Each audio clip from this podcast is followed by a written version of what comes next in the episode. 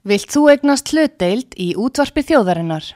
Sendu tölvupóst á hlutabref at útvarpsaga.is eða ringdu í síma 533 3943.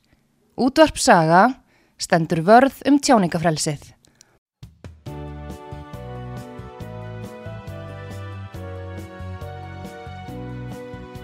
Sýteðis útvarpið á útvarpisögu í umsjón Arnþróðar Karlsdóttur.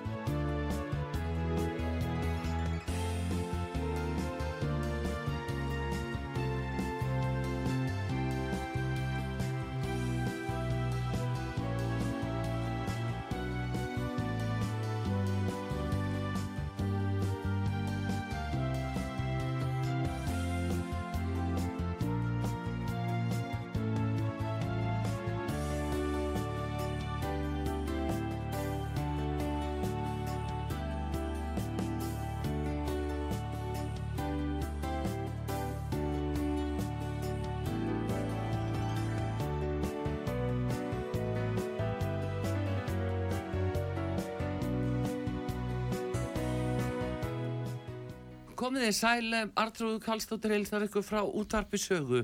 Það er komið til mín uh, Ólafur Pál Gunnarsson, uh, Ólipalli á Rástöð, eins og við kannski betur þekkjum hann, en Rástöð hefur verið að fagna 40 ára starfsamali núna um þessa myndir og sá sem að hefur nú haldið daldið utanum þau mál og gert fjöldanallan af þáttum, heimildatháttum, fyrir rúf og það er ymmit Ólipalli og nú ætlum við að setja hann hinn með borsins og heyra hvað hann segir. Góðan dag og velkomin út af sögum Takk fyrir að bjóða mér. Hvernig er tilfinningin að vera komið svona út af sögu allt inn í stúdíu? Bara mjög fint sko. Ég hef reyndar aldrei, ég, jú ég hef eins og komið á sögu. Þá var, þá var það annar starf, þá var það hérna nýra á Nótunni eða? Já, já, ég man nú ekki hvað ég var að gera þá. Hvort ég var í viðtali eða hvort ég kom bara í heimsókn að skoða. Já En ég er sko búin að vera núna alla helgina á Akranesi í því sem heitir útvarp Akranes. Það Já. er svona lítið útvarp sem er starfrækt eina helgi ári, alltaf fyrstu helgin í desember, Já. síðan 1987 Já. og þar byrjaði ég að vinna sem tæknimaður. Og þess, það er í rauninni, ég, ég myndi svona rekja upphafið til þess sko fyrir mig í, í útvarpi og, hérna, og þá svona svona kynntist ég þessu svona pingu lítið og, og, og svo, svo fór ég inn á rúf í rauninni upp frá því sko. Já. þannig að ég er bara, mér finnst bara mjög fínt að verða, mér finnst þetta bara mjög, mjög fínt í okkur. Já, bara, já, bara, það, það verður allt tekið út út þessu heilbriðs eftir liti Gott kaffi já, og allt gott hann tekur þetta svona út í leiðinni. Mm. en, Óli, segð mér eh, hvena samt uh, svona færðu þessa bakteríu sem má segja, við tölum nút aldrei um það við sem erum í útvarpi alla daga að þetta sé eins og einhver bakterja sem er ekki hægt að losna við. Hvena fórstu að, að skinja að ég vil bara vera í útarpi það er já, það er nú eiginlega langt síðan sko og eh, já, talandu um þetta ég var, var akkurat að koma af Rúf núna. Já. ég var nú heim á Akranissi og er já. þar sko vinn heima svona mest megnis en var í Rúf aðan að taka viðtal við hana Elinu Hall tónlistakonu og ég var einmitt að hugsa djúvill er þetta gaman skemmtilegt starf. Já, já, já. En sko ég ætlaði nú aldrei að verða útastmaður ég eh, sem sagt eh, gerði eins og vinu minn á svonum tíma ákvað að fara að læra rafindavirkjun það var alveg á hreinu minn langaði til að læra eitthvað og pappi minn var smiður. Hann rálaði mér að læra það alls ekki. En ég ákvaði að verða sagt, læra rafindavirkjun vegna þess að ég átti svo annan vin sem að var rafindavirki sem að hann var alltaf að tala um að hann langaði svo að fá vinnu í útvarpinu sem tæknimaður og þetta einhvern veginn svona kveikt í mér og útvarp Akranes og eitthvað svo leiðis Já. og svo hérna svo sem sagt vildi það bara þannig til þegar ég er búinn að klára skólan mm. fyrir að sækjum vinnu þá fór ég sagt, fyrst í útskriftaferð til Mexiko mm. og, og svo kem ég úr henni og fer með með eh, vinkonum minni sem ég kynntist í þessari, þessari ferð og við fyrir saman að sækja vinnu. Ja. og ég fekk næstu því vinnu hjá fyrirtæki hérna einhver staðar á einhver staðar hérna nálagt ég man ekki hvort það var á, á í hérna hvað heitir það nú hérna Veslan hverfi hérna upp á þá að hálæti eða? Ég, hérna, já, því er já. alveg stólið úr mér. Ég hugsa, þetta, það gæti verið að þetta fyrirtæki hafi verið Einar Jó Skúlason. Já, já, já. Ég fekk sérst næstu því vinnu við að, við að, við að hérna, já, eða einhver staðar hérna. ég fekk næstu því vinnu, ég fór sérst í starfsviðdal og var svona halvpartin bóði vinna því ég var orðin rafindavirki og vinnu við að gera við ljósritunarvillar en svo voru, það voru skilirði sem þau settu þá ég var með, með svona síkt hári eins og þú ert með núna. Þess að ég þurfti að láta klippa mig Já. og vera með bindi Já. og ég bara sagði æ, ég held bara ekki en takk fyrir samt. Og, og svo fekk ég bara símtal frá, frá útarpunum frá honum Magnúsi Hjálmarsinni honum, já, sem var yfir maður teknideldunar ég fór mm. nefnilega þanga þegar ég, þegar, þegar ég byrjaði að sækjum vinnuna eða sækjum störð, þá byrjaði ég á því að fara þanga þegar mér langaði mest til að vinna þar. Ég saði hann það, mér langaði bara mest til að vinna hér. Langaði bara til að vinna hér, hver gernast þar og hann hlónu bara mér og svona og sagði já já hérna, ef þú sér nú, það er nú ekkert hjá okkur núna en ef þú sér þig eitthvað auglýst þá skaltu bara setja inn umsókn eða þú getur sett inn umsókn og ítrekka hana svo. Já, já. svo fyrir ég bara út á sjó. Því ég var, hafði þess að unni fyrir mér sem, sem hérna, hásæti á tógar að eh, menni var að læra. Já. svo bara ringi símin út á sjó. Þegar ég er í líklega öðrum túr þá er það hann, þá hafði einhver hægt skindilega og þá voru þeir svo framsýni sko, þá reyður sumar aflýsingamennina sko bara í februar já, akkurat til þess að, já, að, já, að vinnum sömarið já, til þess að vera búið alað og upp þannig að þau getu synd þessu almenlega þjálfunin, þannig að hann bauð mér vinnu mm. sömar, sömarstarf og, og ég er búin að vera ennþá. Já Þú, eða síðan þá segi ég þetta eru 30 ára 32 ár. Já, já. það munar reynda litlu og hugsaði hvað, hvað þetta er nú, er nú hérna, skrítið að, að hérna, þegar hann ræður mig þarna mm. þegar ég kem til hans í mm. annarsinn og þá segir hann við mig sko, þú mátt, og ég segi hvernig á ég að byrja Já. Já, þú mátt byrja bara í næstu viku eða þú mátt byrja til mánu mm. eða, og ég segi enn bara í fyrramálið jújú, jú, það er svo sem allir lægi segir hann og, og, og svo segir hann við mig sko þegar hann ráða mig að sko þú veist að þetta starf er þess aðeins að það er ekkert sem heitir að mæta og senkt að því ef þú mætir ekki þá er bara ekkit útvarp. Nei. þannig að það er bara, það er ekki til í dæminu sko. þetta er stóra mál og ég segi ekkert mál. Svo hérna uh, þá, þá fekk ég sko gista heima hjá, heima hjá vinnum mínum. Mm. ég, ég var sér einn í íbúð sem hann átti upp í Breiðholti og alveg ótrúlega spenntur fyrir þessu. Og ég fær svo að sofa um kvöldið mjög spenntur. Svo vakna ég um morgunin mm. og þá var klukkan 11 já og ég finnst að bara ég, minn, hvað á ég að gera? Búin að ítrekka það, búin að leggja svona mikla áherslu á það sem ég ekki, þetta, ekki séns að mæta og sen ég er að byrja fyrsta daginn, ótrúlega spenntur að mæta daginn eftir og bara vakna klukkan 11 og ég bara hugsaði, ég gekk um gólf og hugsaði bara anskotin, hvað ég gera, hvað ég gera? Ég get ekki bara, þetta er, þetta er bara ómölu staða. Svo ringdi ég nú í hann og hann sagði, já já skulum nú sjá til hérna, kont allavega og svo mann að sagði sko, þetta er svona sem að mann alltaf fallir farar hill en svo, og ég segi já, ég kem eins og skott, hleyp út þá bílið mér ramaslaus og þetta var sjálfskiptu bíl þetta var í februar, það var snjór og, þannig ég mætti þess að fyrsta daginn einhvern tíman svona mm, hálf eitt. Já, mjög þegar ég ætlaði að mæta klón átta. Já, mjög efnilegt. Já, já, já, já. en svona getur nú verið en en þú uh, hérna fer svo yfir í þáttagerðina og verið eins og margir þekkjaði núna, það er popland Já. og þá ferð og kafi í tónlistin og tónlistamenn og kynna íslenska tónlistamenn unga og óþekta og allavega hvernig var það? Já, sko Sko, ég hef náttúrulega all, ég hef alltaf haft rosalega gaman af músík og mm. músík er í rauninni það sem að svona keirir mig áfram í, í, þessu. Ég hef verið meiri áhuga held ég á músík heldur en útvarpi þannig laga, ef, ef við tökum það og setjum og stillum því upp. Mm -hmm. Ég hef svo ég hef svo gaman af tónlist og tónlistarfólki Já. og mér finnst tónlistarfólk sko áhuga verðast af fólkið Já og svo er það veist, spurning hver er tónlistamæður og hver ekki skilur já, ég held að við getum nú öll búið til músík og svona en einhvern veginn finnst mér þetta svona heillandi, heillandi heimur og, og svona einhver, mm. einhver galdur og, og, og þú veist þetta hefur þú veist, þú, þú, þú, hérna, þú getur rivjað upp eh, gamla minningar og heyri lag og veist, það er svo mikið gald, galdur í músíkin þannig að ég hefur rosalega áhuga því og þegar ég byrjaði manni að vinna á útarpunnu sem tæknumæður og komst í sko sapnið Já.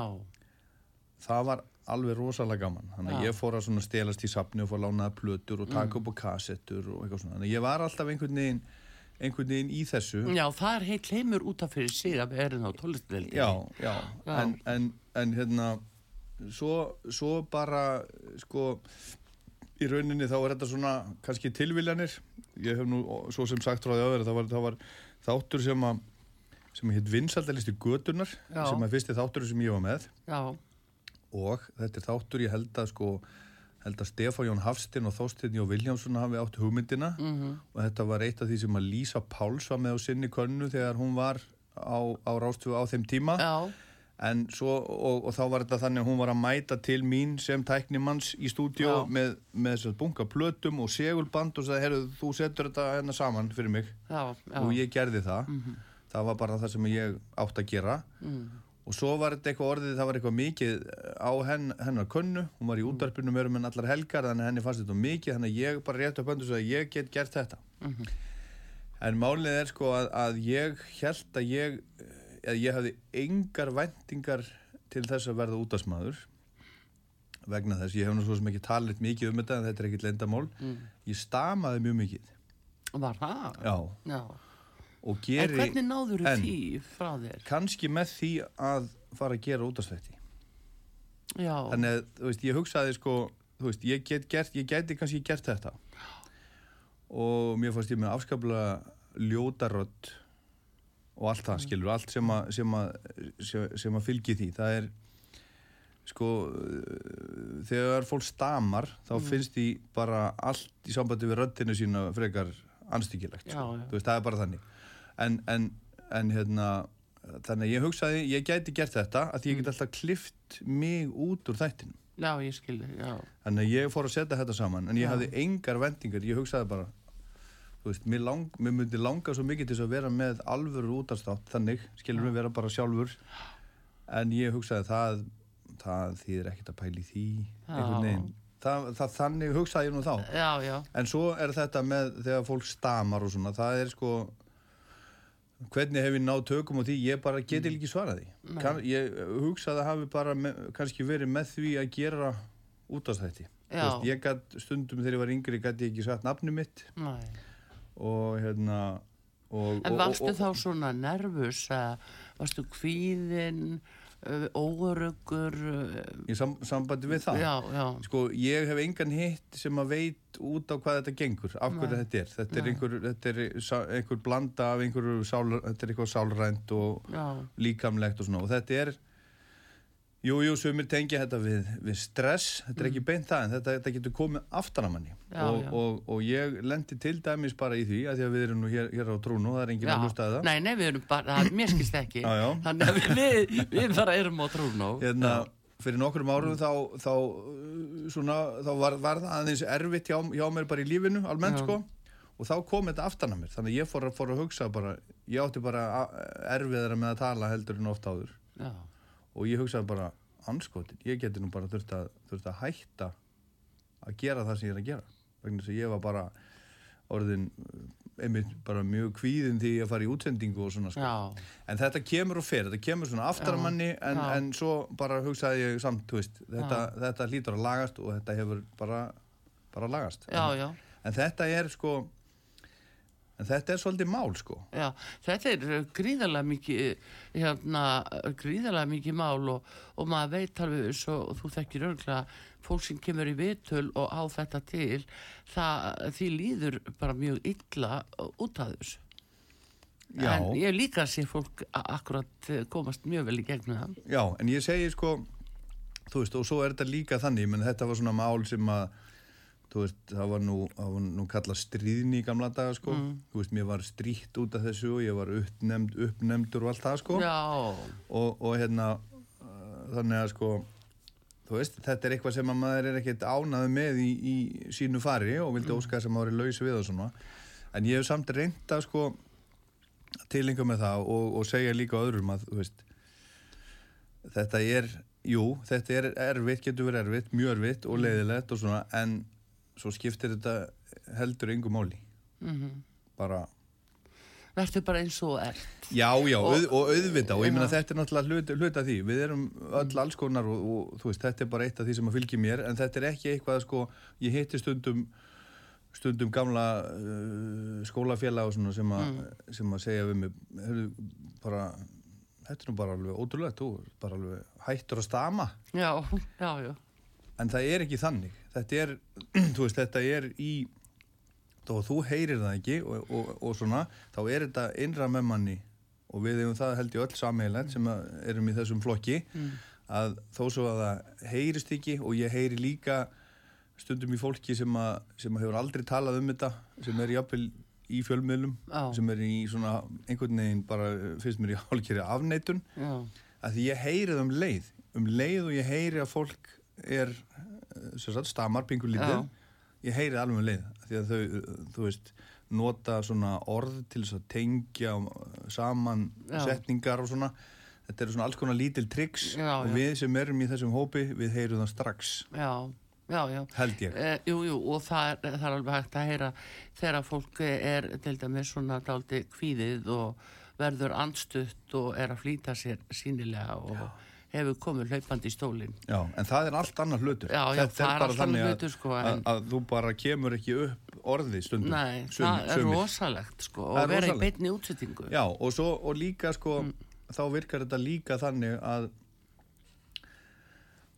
uh, ég til dæmis, ég get ekki alltaf sagt nákvæmlega það sem ég er að hugsa mm -hmm. ég, get ekki, ég get ekki náði orði nákvæmlega sem ég vil nota heldur segja einhverju önnur orð og það hefur mm. oft komið mér í bölvu vandræði Já, þú meina Þú getur ekki já. sagt kannski orð uh, í þessu rönni sem að byrjar á einhverjum stafið eitthvað veist, þetta, er, þetta, er, þetta er stórmál en já. ég segi líka að þetta er ekkert mál Nei, en samt er þetta búin sko öll þessi ár og eins og já, með hérna hvað Rokkland og, og uh, þetta er uh, bara partur af daglugu lífi að vera að hlusta sko skilur og vera að menna þátt mm -hmm. að ég er ekkert vissum að, að fólk átti sá þessu. Nei.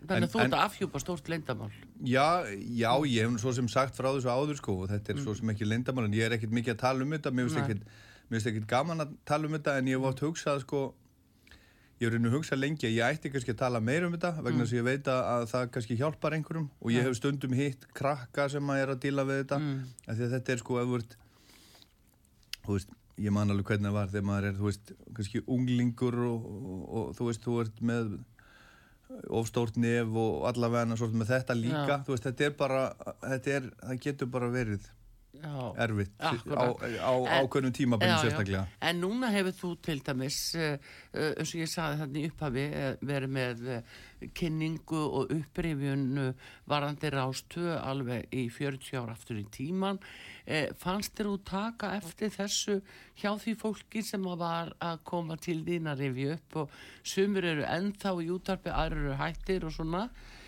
Fannst þér þú taka eftir einhverju svona frásögnum sem fólk hafði að segja að þá hafði því liðið ekkert allt og vel í útsendingunum? Nei, það held ég nú, held ég nú bara ekki sko. Allir uh, sjóaðir? Nei, fólk hérna var náttúrulega að læra og það er mjög gaman að heyra. Ég var einmitt mm. bara útvarpað um daginn, ég með lítinn þátt á miðugundurskvöldum rástöfu mm. millir milli frettatímana, sem er hálftímin. Þar útvarpað ég sko fyrsta og öðrum hálftímanum sem að þú varst í í gamla daga. Já, það er gaman að heyra skiluru, þú veist auðvitað þið voru náttúrulega bara öll ný. Já, já. og ég veit ekki þegar vörglega við stressuð hvað með þig? Alveg rosalega, það, það var alltaf skjált það voru líka allir að hlusta á útarpið, sérstaklega þennan fyrsta tím já, þetta var svo mikil óvisa sko, þetta var svo gríðarlega óvisa að hérna það veissilega enginn hvert að var að fara skipið var bara að fara eitthvað áfram og þorgir var að stjórna og, og við hinn bara hérna hlupum með En það sem að, það sem að sko, sko mér finnst ég hafa verið svo heppin mm. að fá svo góðan skóla í þessu að ég byrjaði eh, hinnum einn mm. ég, ég byrjaði á að vera sagt, stjórna hérna, útsendingu og upptökum og svona mm. og læra á það þú veist hvernig maður hérna, stillir mikrofónum upp og, og allt það. Og svo, og svo hérna og svona smátt og smátt fæ ég að gera aðeins meira. Og ég hugsaði sko hugsaði líka þegar ég var búin að vera með þennan fyrsta þátt minn vinsaldalista gödunar í svolítið tíma þá hugsaði ég, ég gæti nú alveg alveg gert þetta Já, þú allavega ferður svona og læri reynslið Já. Ég held að. Heru, En við þurfum að fá auðlýsingar hér. Ég Já. stendur nú í mér. Já. Fáum bara auglýsingar. Fáum auðlýsingar Allt stundu gott að fá auglýsingar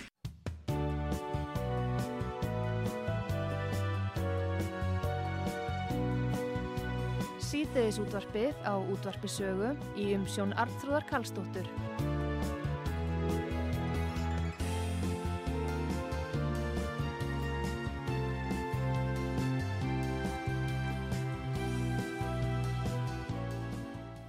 komið þið sæl aftur til að hlusta út á sögu.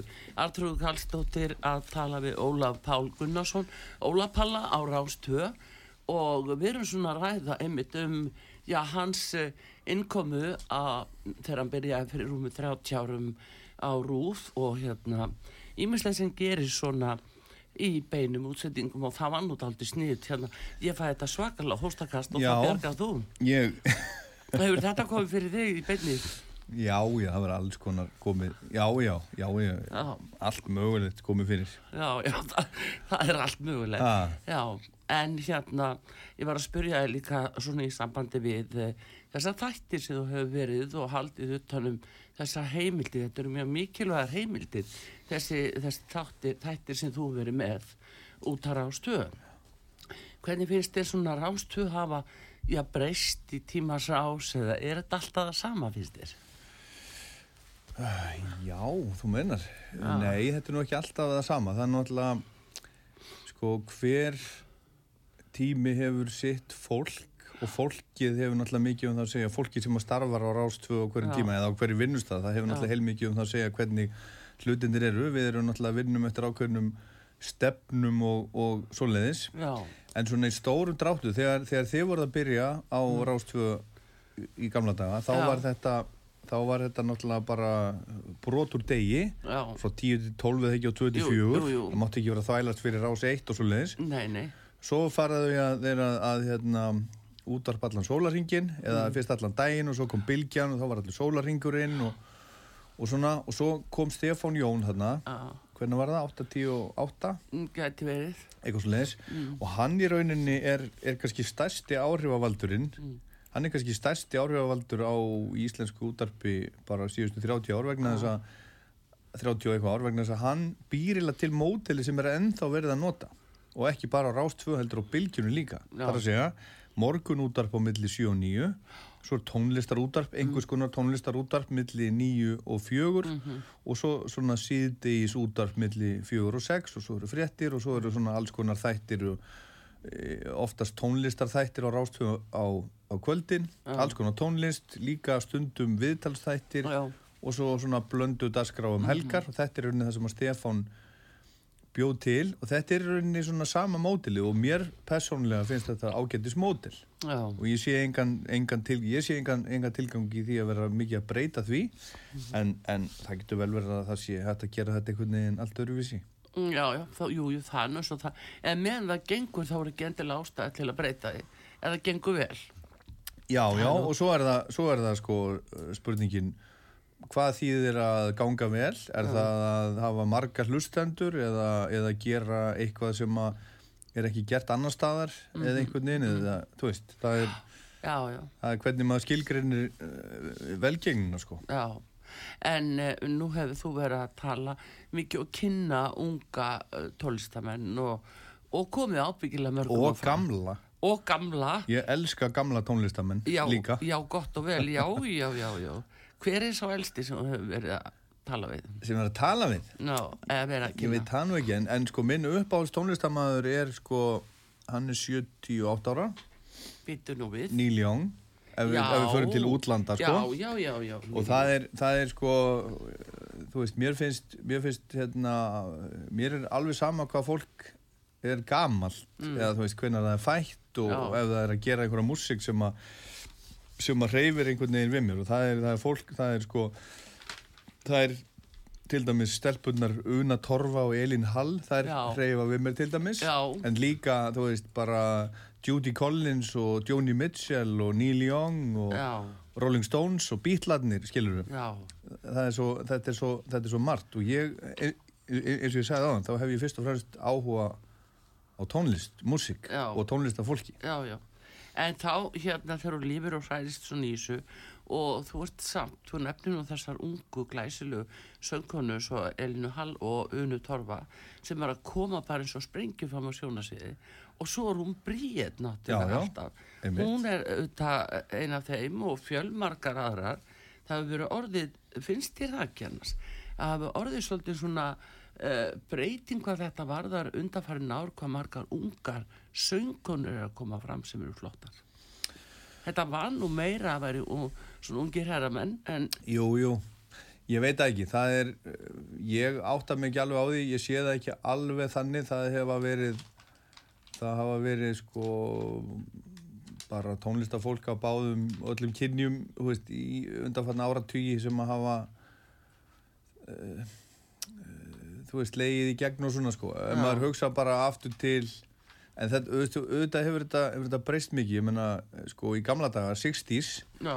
þá og, og, og, og 50's þá, ef við hugsaum til útlanda, þá var það mikið, þá var verið það svona á mikið af söngkonum Já. sem voru bara einhvern veginn fundnar og þetta var allt öðruvísi, þá voru lagahöfundar og svo Já. var sett saman einhver hljómsveit og svo var fundin einhver söngkona til þess að vera sagt, í frontinum og, og hérna og þetta er ég veit það ekki, ég sé ekkert kannski ekki mikið mun, svo hef ég verið náttúrulega viðlóðandi músiktilunir alveg síðan 1996 Já. ég hef búin að vera kynir á músiktilunum síðan 1996 Já, heldur betur. Og sé, hérna, það verður alls konar hlutir breyst þar, það er til dæmis færri hljómsveitir að koma Já. svona bílskursljómsveitir meira krökkum sem eru heima e, e, þú veist, í herbygginu sínu með tölvu að búa til músik og syngja eitthvað yfir það og svona Akkurat. Þú veist, og hvort að það er betra eða verra, mér finnst þetta ágætt ef þetta er svona einhvern veginn í bland. Já.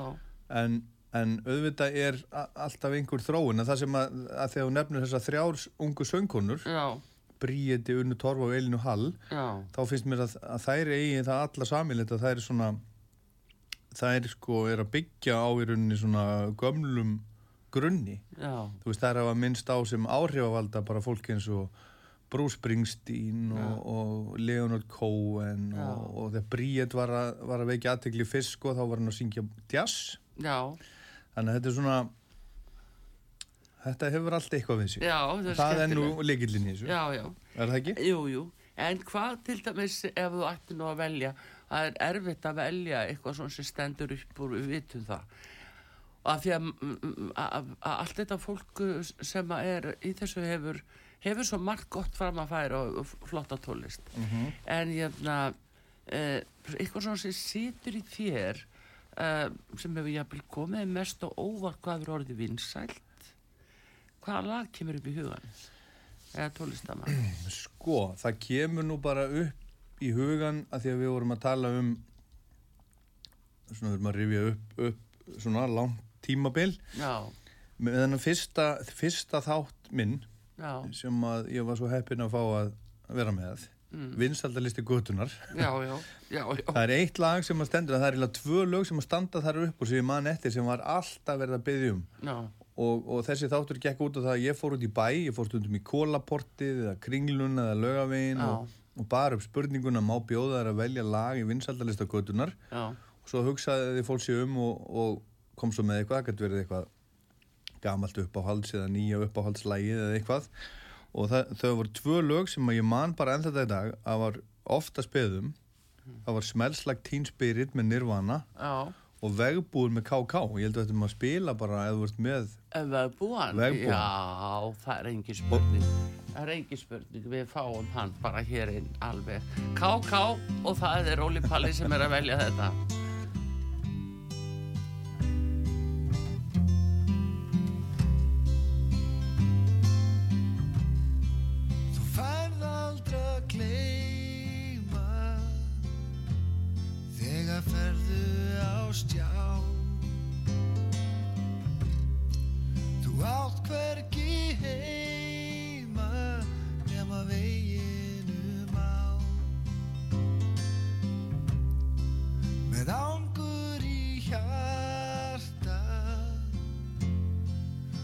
dýrskunar mó Þú ferð þína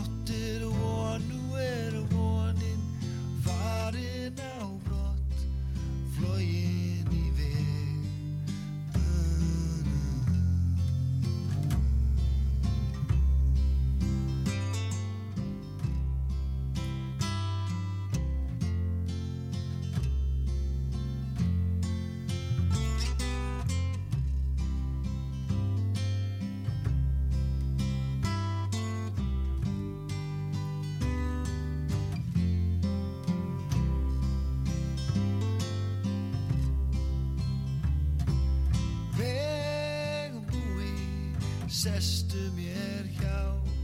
Segðu mér sögur, já segðu mér frá. Þú áttir von, nú er vonin farin á brott Flógin í veg.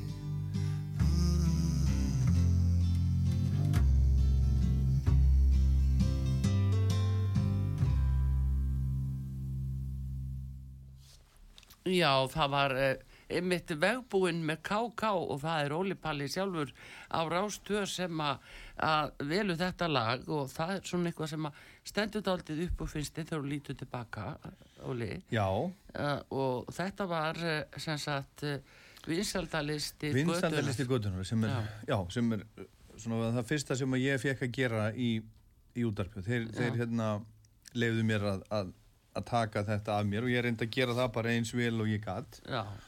Já, og svo svo, svo var það sko ef við heyra meira af því þá var það þannig að, að við örðum, örðum snemma mjög góði vinnir ég og Andrea Jónsdóttir. já, og hún er einn af mínum já, alveg bestu hún er náttúrulega bara snild, Já, sko. nema hún kallar Já. mig sko afa sinn. Já, já, af því að henni finnst ég vera þó nokkuð svona eldri heldur en hún. Já, en, en hérna en hún ringdi í mig sömarið 1995 já, og þá var það þannig að, hún hún sá um að kaupa inn efni frá BBC svona tónleika efni og svona og, Já. og, og þá var það þannig að á rástöfu voru svona tónleika þættir sem hún sá um. Og það var deilt hjá BBC sem var svona söludeilt sem var að selja svona efni.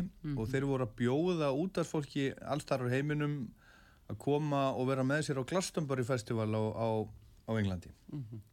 Og, og sem sagt höfðu samband við Rástvö og spurðu eða sögðu, myndu vilja bjóða einhverjum af ykkur, ykkur að koma.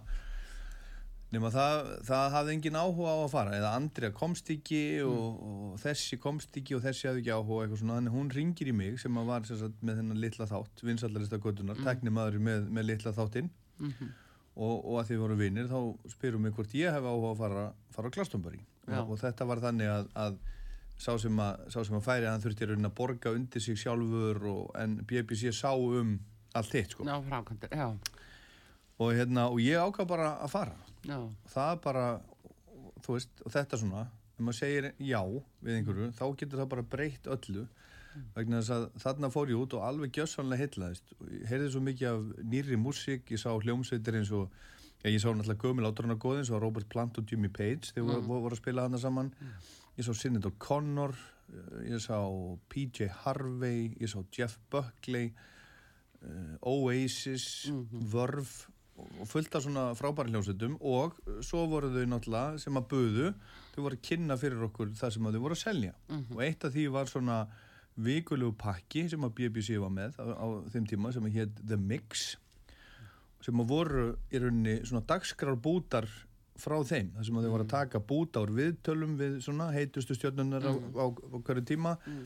live upptökur smáskífa vikunar tvö-þrjú lög af tónleikum sem voru að taka upp og svona, þetta var bara svona kitt sem að var hægt að búa til út af þætti úr og mér finnst þetta alveg frábært, kemur þetta til Sigur Ekki Tómassonar og Magnús mm. Reynarssonar og segi, mér langar að gera svona þátt Já.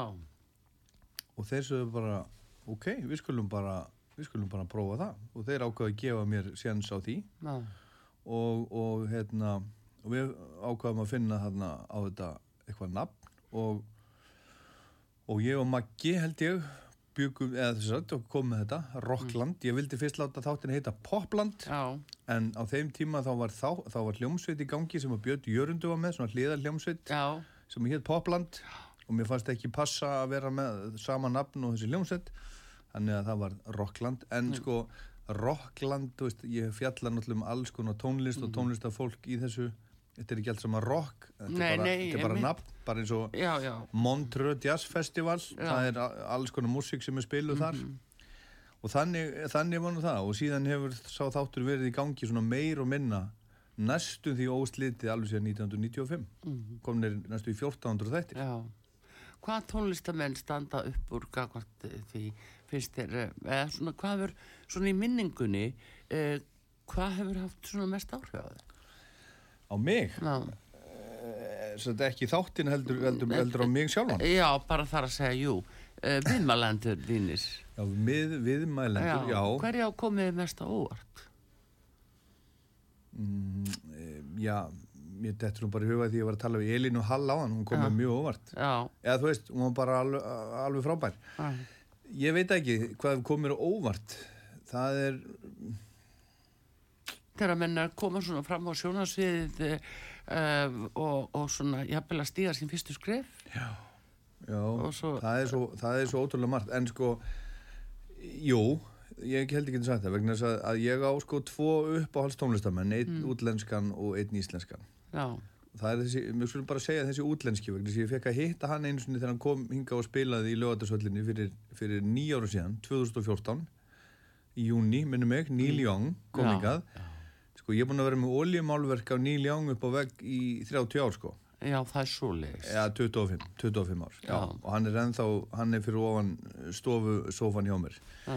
Hann er bara minn maður alveg síðan, sko, ég man eftir hennu fyrst bara þegar ég var að fletta plötusamnars pappa. Hann mm. átti eina plötu sem, að, sem að heitir After the Gold Rush, en ég mm. man alveg eftir hennum og ég er með svona minni mm af því að, að, að pappi minn vann nefnilega í blödubúi gamla daga sko, hann átti fullt af blödum og ég var alltaf að fletta þessu mm. mann eftir þessu, þessu nafni Neil Young After the Gold Rush mm -hmm. og svo svo svona kynnist ég honum fyrir alvöru þegar hann gáði blödu 1988 sem heitir Freedom mm -hmm.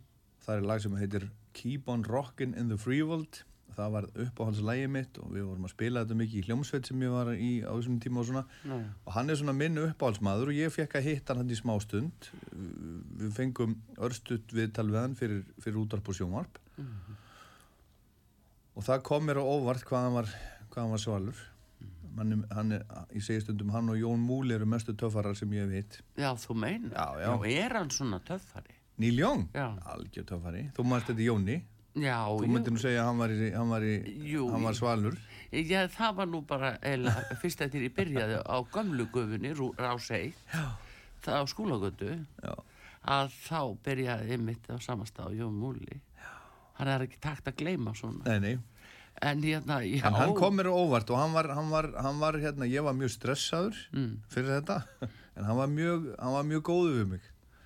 Hann var, hann var hérna næs og það var, þetta var mjög, þetta er líklega erfiðast að viðtala sér tekið, þetta var mjög stutt og, og í rauninu ómerkilegt sko. Og þú veist, við, svona, við, erum, við erum settir í stóla inn í, inn í sal í lögadarsvöllinni Já. og það er kvikmyndavél og, og Níl kemur lappandi umbóðsmaðurinn hans er með honum og, og hann sest og, og hann sér, sér hérna myndavélin og segir ok, ég vissi ekki að þetta væri sjómar eitthvað svona, en ég heyri það sko. Og svo bara byrja ég að reyna að tala við hann. Og, og hérna og bara þegar hann var búin að svara einni spurningu þá, þá fór umbóðsmaðurinn hans að úst, veifa mér, ok já, bara búið, búið, já, búið. Já, já, já. en hann held svo aðeins áfram og svona bjargaði mér fyrir hotn þannig að það, er, það er svona, það er mjög, mjög, mjög eftirminnilegt sko. Já, og það var mjög gaman að fá að, fá að hitta hann í smástund og svo, og svo er sko, já. En uh, af því að við ætlum að fá að heyra lag nefnilega með uh, Níljón en segir mér hérna uh, en svona einhver íslenskir sem að hafa er þið svona eftirminnilegir og fyrst standa upp úr sem haft áhrif á þig?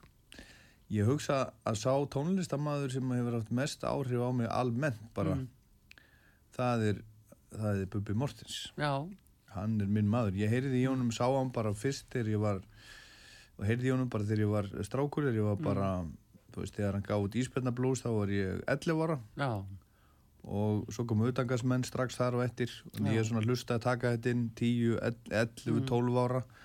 Og ég man bara að ég var búinn að vera alla, alla badnæskuna hlusta mjög mikið á útvarpið. Já, bara rás eitt. Mm, og hlusta mikið á músík. Mm, og þegar ég kom í heimsókn með fóreldrar minnum fór ég alltaf og gramsaði í öllum plötu skápum og svona, alveg óþorlandi já, bara lánaði plötur og svona.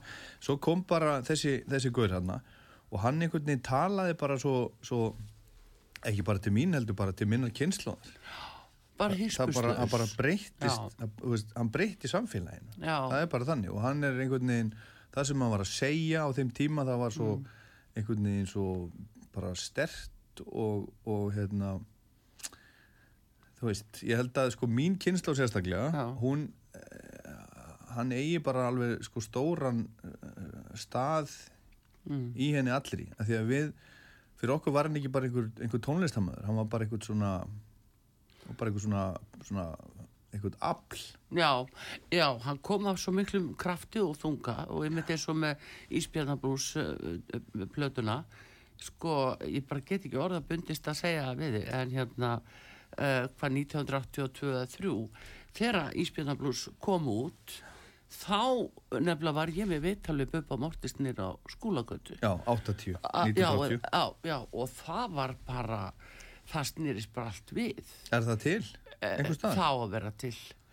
Og hérna Förum að finna það saman á Já, eftir, já, ég myndi held- vilja heyra það. Já, heyrðu, vegna hef þess að það var svo sniðut því að, að uh, það hafði talað svona hispuslaust um hlutina og, og fór að tala um ég allir eru að fá sér og allt þetta. Og ég sagti það að nýra á skólagötu var þetta ekki vinsælt að einhver talaði svona hispuslaust út í, um í útvarfi og, sko. og ég mun að hugsa þér sko, þetta er fyrir 40 ára síðan og, og ég 40 man, man eftir þessu og hann er ennþá skilur á topnum, hann er mest spilaði listamæðurinn á Rás 2 Já, mér fannst 2023 hann rosalega framandi og sniður og ungu maður sem væri bara komin í þetta með sko bara nefn og loft og, og mér fannst það mjög sniður sko. En það voru, það voru sko það voru, það voru riðdeilur í dagblöðunum. Já, það voru háskóla hérna, háskólakennarar Mm. að skrifa greinar um þennan gaur. Bara hvað hann var að vilja upp á dekk. Hann væri ekki talandi eða skrifandi. Já, og ég meina hugsaður ef að, ef að e, háskólakennarar ef að þeir væru að, að skrifa í dag og þetta var bara alveg meira átt að mál sko. Já, ef þeir var að skrifa í dag um einhvern ung tónlistafólk að því að það talar svona eða hins einn eða Já, já. segir þetta hitt eða syngur hitt eða þetta já, já. Það var akkurat það sem var málið. það var akkur það sem Já, já. En hann var alveg óhrættur, sko það. Það var alltaf sniðut, já. já, já. En svona brautriðjandi, svo margt sem kom á eftir. Já, ég meina hann er bara sko, hann er svo hann er bara svo mikill hann er bara svo mikill risi er, ég segja, hann er bara svona eins og Lagsnes og Kjarval hann er bara komið þangað. Og hann hefur, sko, hann hefur samið fleiri lög og gefið út heldur en allir aðrir. Hann hefur gefið út fleiri plötur en allir aðrir. Og hugsaði þér þetta og, og, og, og, og ég segi sko, hann er hann var spilaður mm. fyrsta hálftíman sem í loftinu mm. 1983 þegar já. þú varst þar. Já, já. ég man nú ekki hvort það varst þú eða einhver annar sem að, sem að kynnti lægi það var mm. hérna litli herrmaðurinn það mást þetta því og ennþá 40 ára senna mm. er hann sko hann og, og Una Torfadóttir eru með spilaðu listamennir á Rástöð í dag hugsaður ég var sko 1983 þegar þau varði að byrja Ef að mest spilaði listamæðurinn á Rástvö þá hefði verið einhver sem var að byrja 1943. Já, akkurat. Ha, Já. Þetta er mjög mm, sérstaklega. Þannig að hann á engan sinn líka, segi ég. Nei. Og, og, og tónlistarna sá Kanski Raggi Bjarnar hefði geta Já en Raggi náttúrulega hann samti bara Jú hann, hann náttúrulega þú veist auðvitað var hann já, alltaf já, með já. En, en, en sko Já, já, það er erfitt náttúrulega að bera saman epplu og appisínu og allt saman. En svona, ég veit að þetta er, þetta er alveg magnað, já. hvað fólk uh, svona nær líka uppfæra sig og, og halda sér alltaf einhvern veginn, glóðvölgu. Já, og hann er bara alltaf að gera fína músík, það er bara, og þetta, uh, þú veist, þetta er vinsalt, ég menna þetta er, þetta er, þetta er spilað, þú veist, á Spotify og já.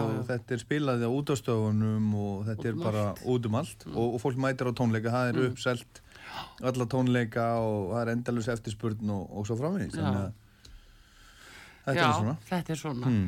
en uh, það er gaman að þessu, en einhvern veginn svona uh, finnst þér þegar þú lítur samt tilbaka yfir þennan tíma breytingin á tónlistinni eins og hún er að byrstast okkur í dag.